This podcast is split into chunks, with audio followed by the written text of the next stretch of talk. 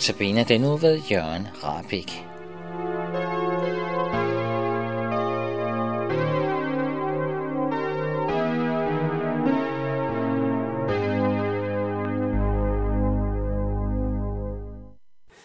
Kære Jesus, vil du nu i denne stund åbne dit ord for vores hjerter ved din helligånd, at vi ser dig.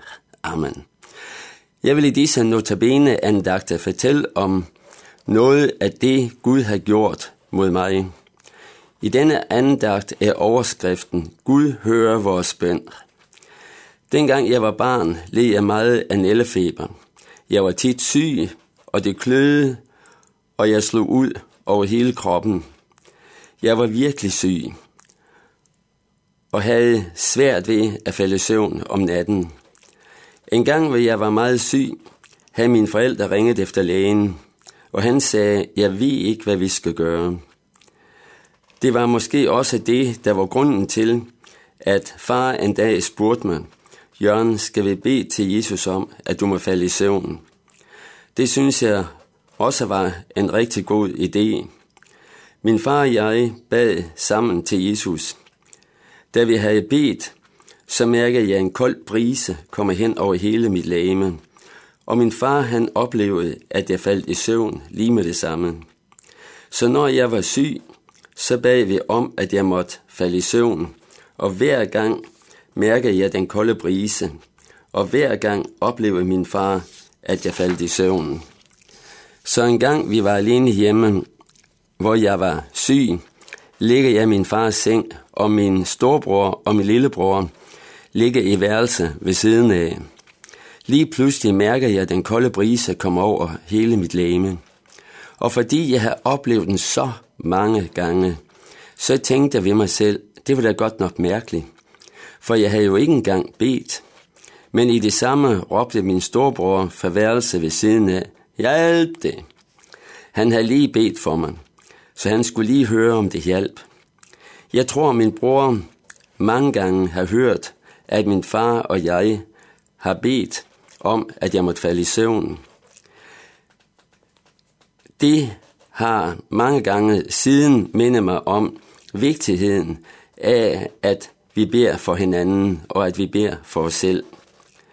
Jesus opfordrer os mange steder til at bede.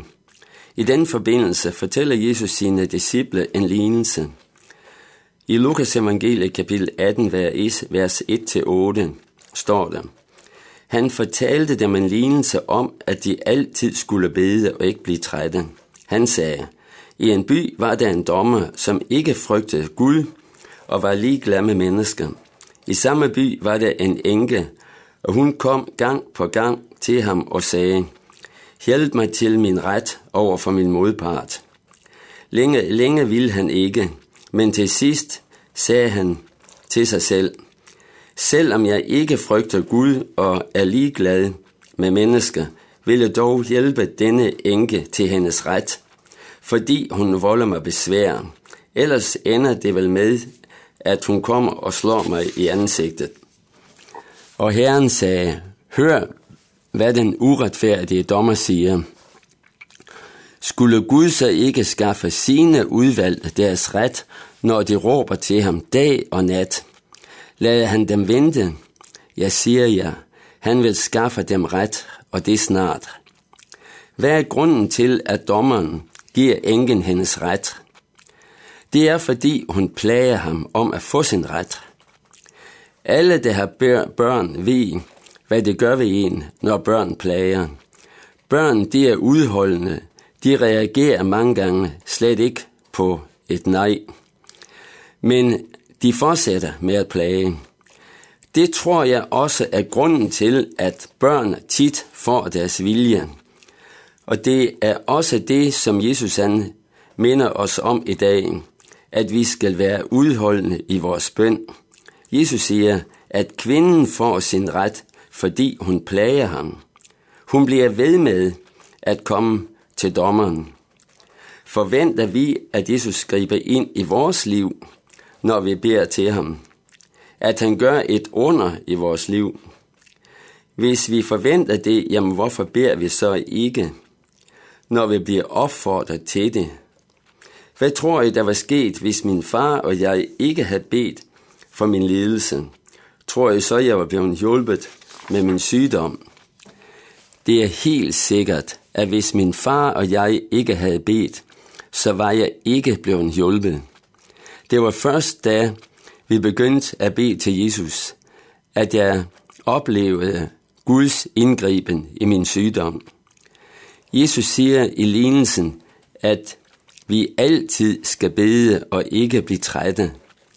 Jesus siger, skulle Gud så ikke skaffe sine udvalgte deres ret, når vi råber til ham dag og nat? Lader han dem vente? Jeg siger ja, han vil skaffe dem ret, og det snart. Vi vil bede fader vores sammen. Vor far, du som er i himlene, helliget blive dit navn og komme dit rige.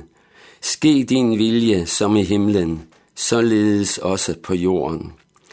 Giv os i dag vores daglige brød, og forlad os vores skyld, som også vi forlader vores skyldnere. Og led os ikke ind i fristelse, men fri os fra det onde, for dit er riget, og magten og æren i evighed. Amen.